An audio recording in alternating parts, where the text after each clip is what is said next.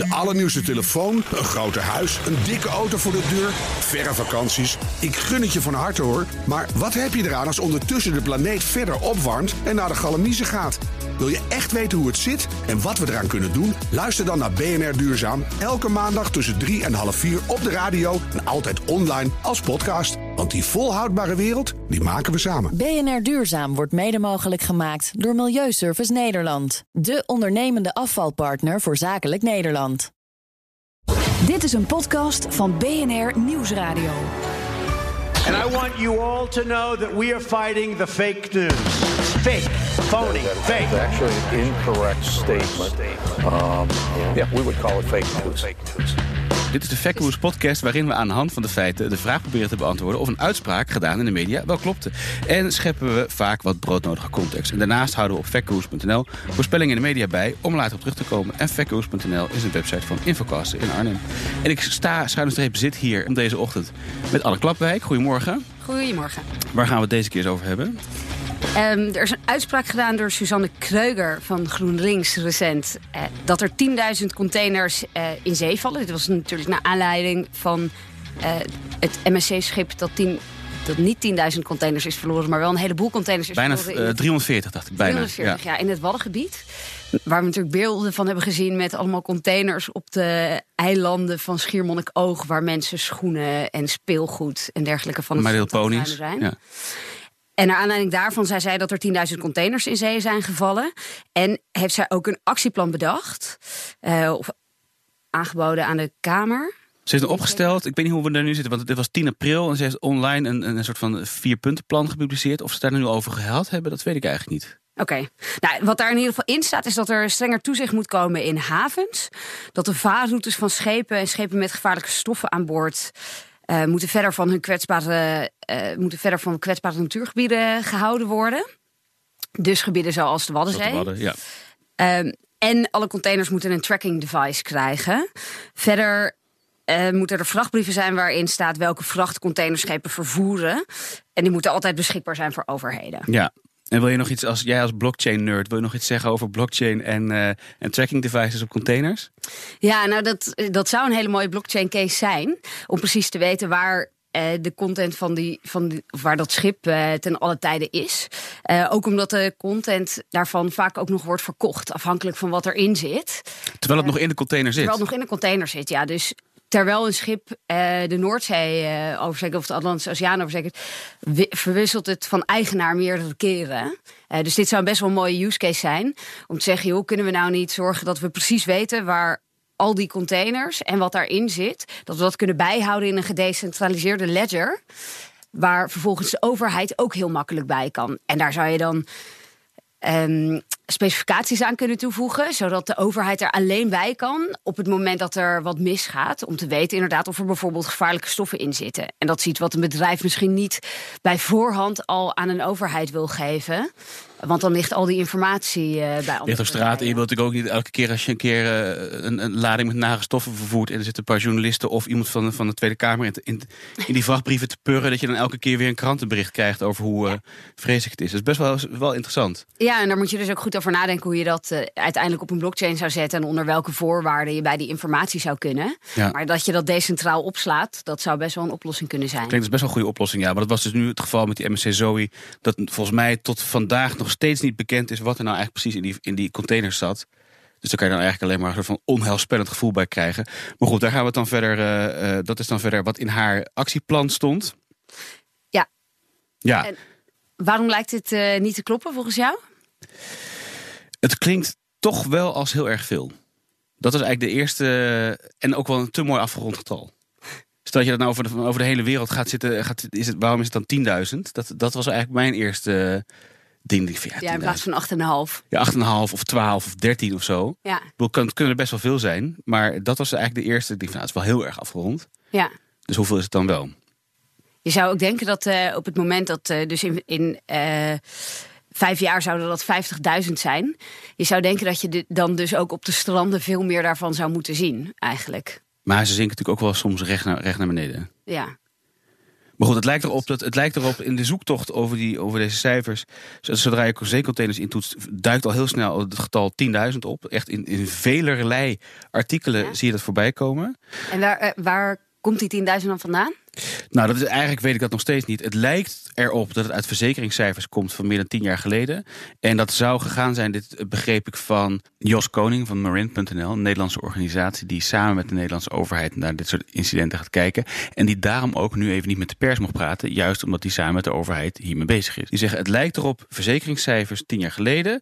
En dat gaat dan over alle incidenten met alle containers. Dus dat kan ook zijn op de vrachtwagen of op de kade nog. Of, dus het gaat niet per se over zeeschepen.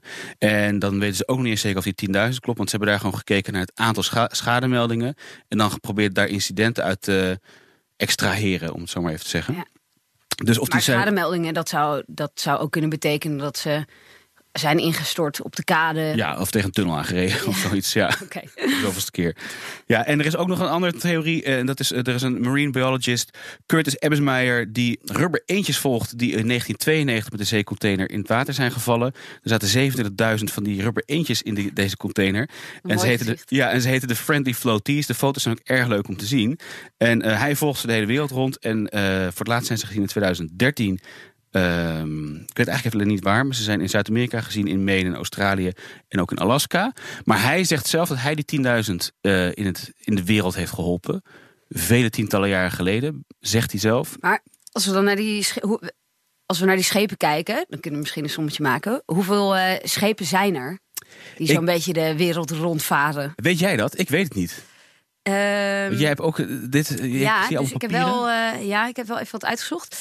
Ehm, er zijn op het moment 20 miljoen shippingcontainers in de wereld. 5, 6 miljoen daarvan zitten eh, momenteel op. Ja, eh, terwijl wij dit zeggen, zitten ze op een boot. Ja, niet, op, niet alleen op een boot, dus op een schip, op een, eh, op een vrachtauto of op een trein. Dus het is niet helemaal duidelijk hoeveel daarvan nou precies op schepen zitten.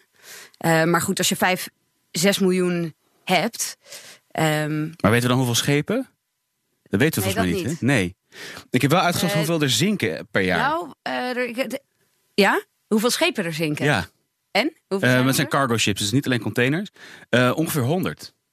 Soms zitten er wat meer, soms zijn er wat minder. Maar het gemiddelde dat ik voorbij is gekomen was 100. Dat is best wel veel. En dat zijn cijfers van eh Allianz, de verzekeringsmaatschappij. Dus het kan ook zijn dat het artificieel hoog is. Maar we het afronden, zijn het er 70. Dat is nog steeds best veel. Dat is best wel veel, ja. Als daar één containerschip, als daar één echt containerschip à la tussen zit dat Ja, zinkt, dan, dan zit je wel snel ook wel aan die containers eh, die je kwijt bent. ja precies. Het gaat vrij hard. Ja, ik heb ook nog even gekeken naar de grootte daarvan.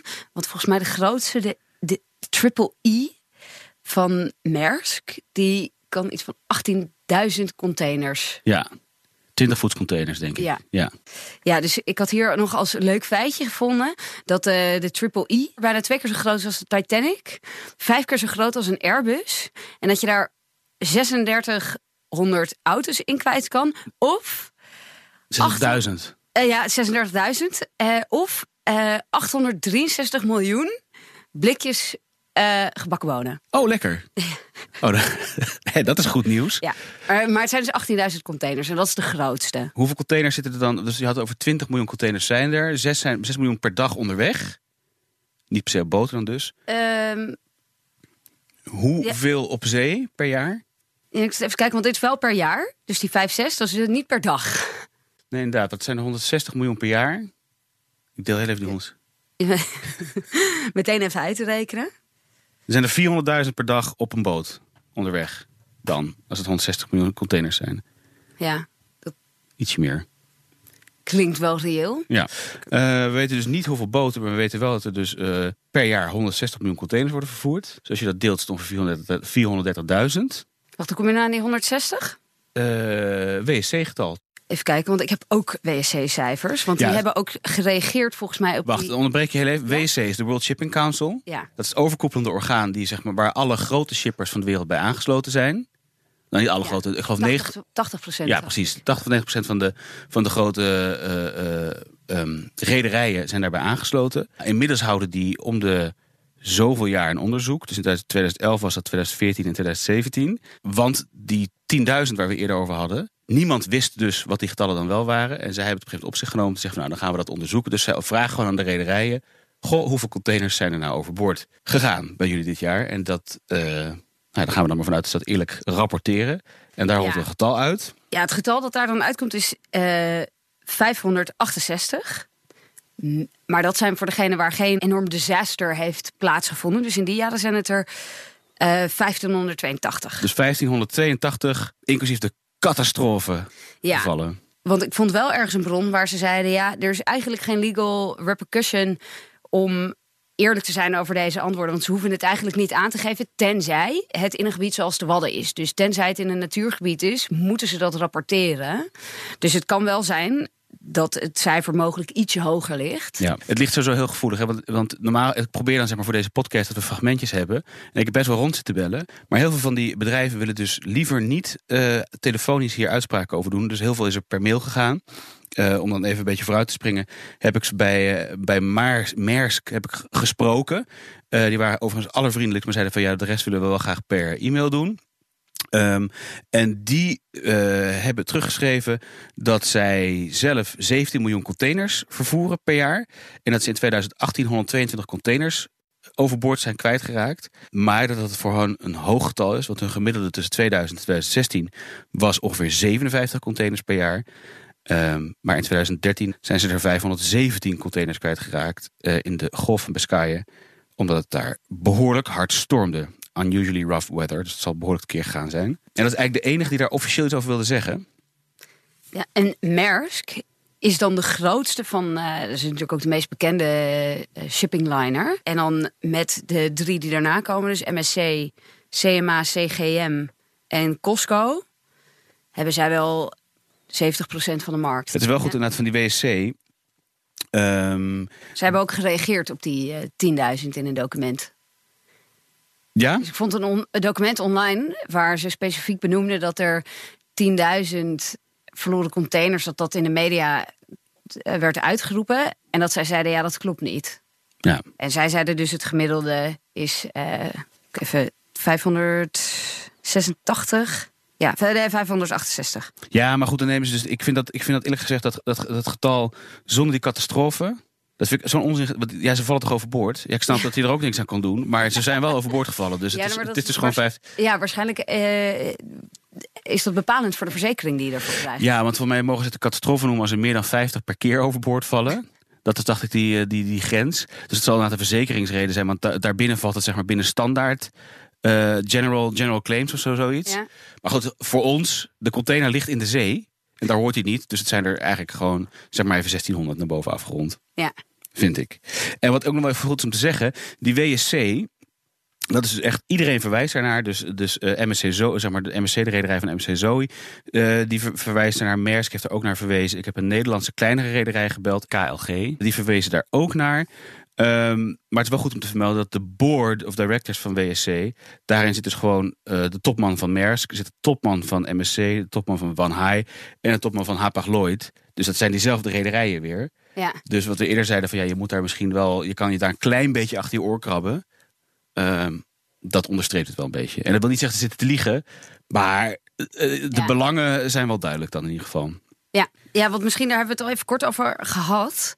Maar hoe kan het eigenlijk dat ze van boord vallen? Want je zou denken dat ze allemaal best wel goed vastzitten. En wat ik dus wel raar vind, is als je een aantal van die voorbeelden eh, ziet. Dus, eh, nou oké, in El Vado is in 2017 eentje gezonken door weer een hurricane. En daar zijn dan 391 containers eh, ja, kwijtgeraakt, in zee geraakt. Eh, maar soms zijn het er echt maar een paar. Dus eh, in 2004 was het dan de met Taipei. En daar zijn er maar 15 kwijtgeraakt.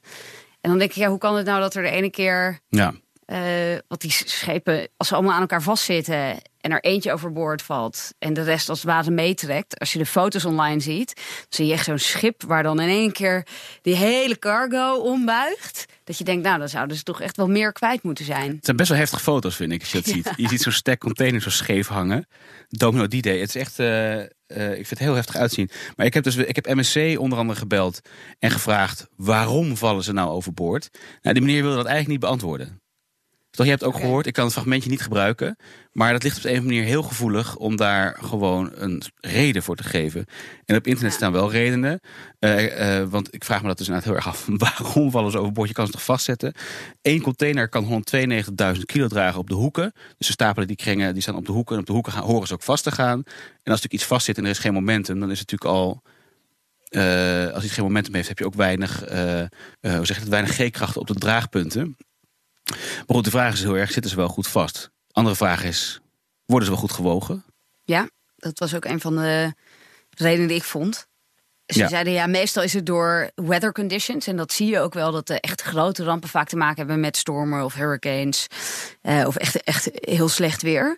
Maar dat er ook ja, eigenlijk eh, menselijke fouten worden gemaakt. Dus nalatigheid of eh, het verkeerd opgeven van het gewicht. Dat kan natuurlijk ook met customs te maken hebben. Ja, Eh, dat op het moment dat jij boven een bepaald gewicht uitkomt, dan kom je volgens mij in een andere stroming terecht bij de grens. ja. Nou, en daarbij komt ook niet alle containers worden, worden geladen zeg maar, in Rotterdam. Dus er zitten natuurlijk ook havens tussen waar het misschien allemaal eh, wat anders gaat, zal ik maar zeggen. En het is natuurlijk ook wat dat betreft wel een markt. Als er nou een markt is die enorm onder druk staat van de lage marges en het moet snel, snel, snel, want het mag allemaal niks Ja. kosten, dan is het denk ik wel de container shipping eh, wereld. En dit, ik denk dat, het- dat het niet goed vastsjoren van die dingen is waarschijnlijk wel een resultaat Ja. van de prijsconcurrentiedruk. Lijkt me zo. Maar het lijkt me ook heel lastig, zeker voor eh, de Er zitten natuurlijk enorme verzekeringspartijen hier ook omheen. Want er zit natuurlijk mega veel in één zo'n container. Eh, dus die zullen allemaal verzekerd zijn. En bij wie ligt de liability dan? Op het moment dat die niet goed zit vastgehaakt. Ja. Ik weet niet hoe ze, wat daar eh, vervolgens bij de Waddenzee is uitgekomen. Ik had wel ergens een voorbeeld waar ze schreven ehm, dat het iets van.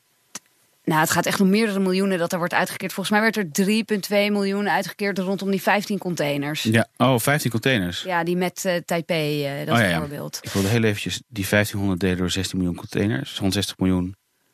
Ja, dus het is. eh, het valt ook eigenlijk nog mee, hè? Als je natuurlijk 1600 containers verliest op 160 miljoen containers.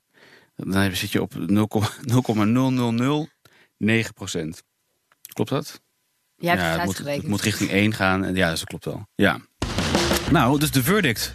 Klopt de uitspraak van mevrouw Kreuger? 10.000 containers vallen in de zee elk jaar. Nou, de 10.000, dat, eh, dat is het zeker niet. Eh, we kunnen nog wel misschien de cijfers van de, van de WC met korreltje zout nemen. Maar de cijfers liggen zo ver uit elkaar. Wat dichter bij de, de, de, de 600 tot de eh, 1600. Een beter cijfer lijkt dat de 10.000. Kortom, het klopt Niet. niet. Ik vond trouwens in deze, in Altijd Gegoogel, vond ik dus nog een reisbureau. Die biedt aan dat je een hut kan krijgen op een containerschip om daarmee mee te varen naar een leuke eindbestemming. En dan denk je dus, oh, dat is een goede manier om goedkoop te reizen voor, voor een backpacker of zo. Dat dat valt dus ook nogal tegen. Nee, precies. Even kijken. Want als jij hebt een van, leuke reis eh, uitgezocht, hè? Ja, ik dacht, eh, laat ik eh, naar Brazilië gaan vanuit Europa. Het is een. Round. Het zal een Het zijn. retour zijn. Eh, het kost 42 nachten. En het kost 47,40 pp. Niet 47,40 euro, maar 4.740 eh, euro per persoon. Dus dat is best fors. Heel fors. Want daarvoor vlieg je waarschijnlijk, ik weet het niet, het is goed boekt, vlieg, vlieg je waarschijnlijk met British Airways business class daarheen voor dat geld. Ja, en de laagste prijs die ertussen zit, dat is van eh, Southampton naar Savona. En dat duurt eh, 23 nachten. Ja, nou leuk. Scrabble mee. Ik denk, ja, ik, zeggen, ik, denk, ik denk niet dat er een zwembad aan boord is. Zie ik zie Maar wie niet weet wat er in de container zit eh, waar je tussen kan snuffelen. Oh, dat is wel leuk. Ja, het is een soort, soort, soort curiosa-markt, noem je dat? Ja. Nou, heel goed.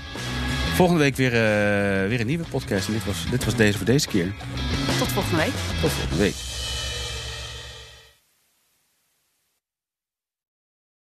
Allernieuwste telefoon, een groter huis, een dikke auto voor de deur, verre vakanties. Ik gun het je van harte hoor. Maar wat heb je eraan als ondertussen de planeet verder opwarmt en naar de galamiezen gaat? Wil je echt weten hoe het zit en wat we eraan kunnen doen? Luister dan naar BNR Duurzaam. Elke maandag tussen drie en half vier op de radio en altijd online als podcast. Want die volhoudbare wereld, die maken we samen. BNR Duurzaam wordt mede mogelijk gemaakt door Milieuservice Nederland. De ondernemende afvalpartner voor zakelijk Nederland.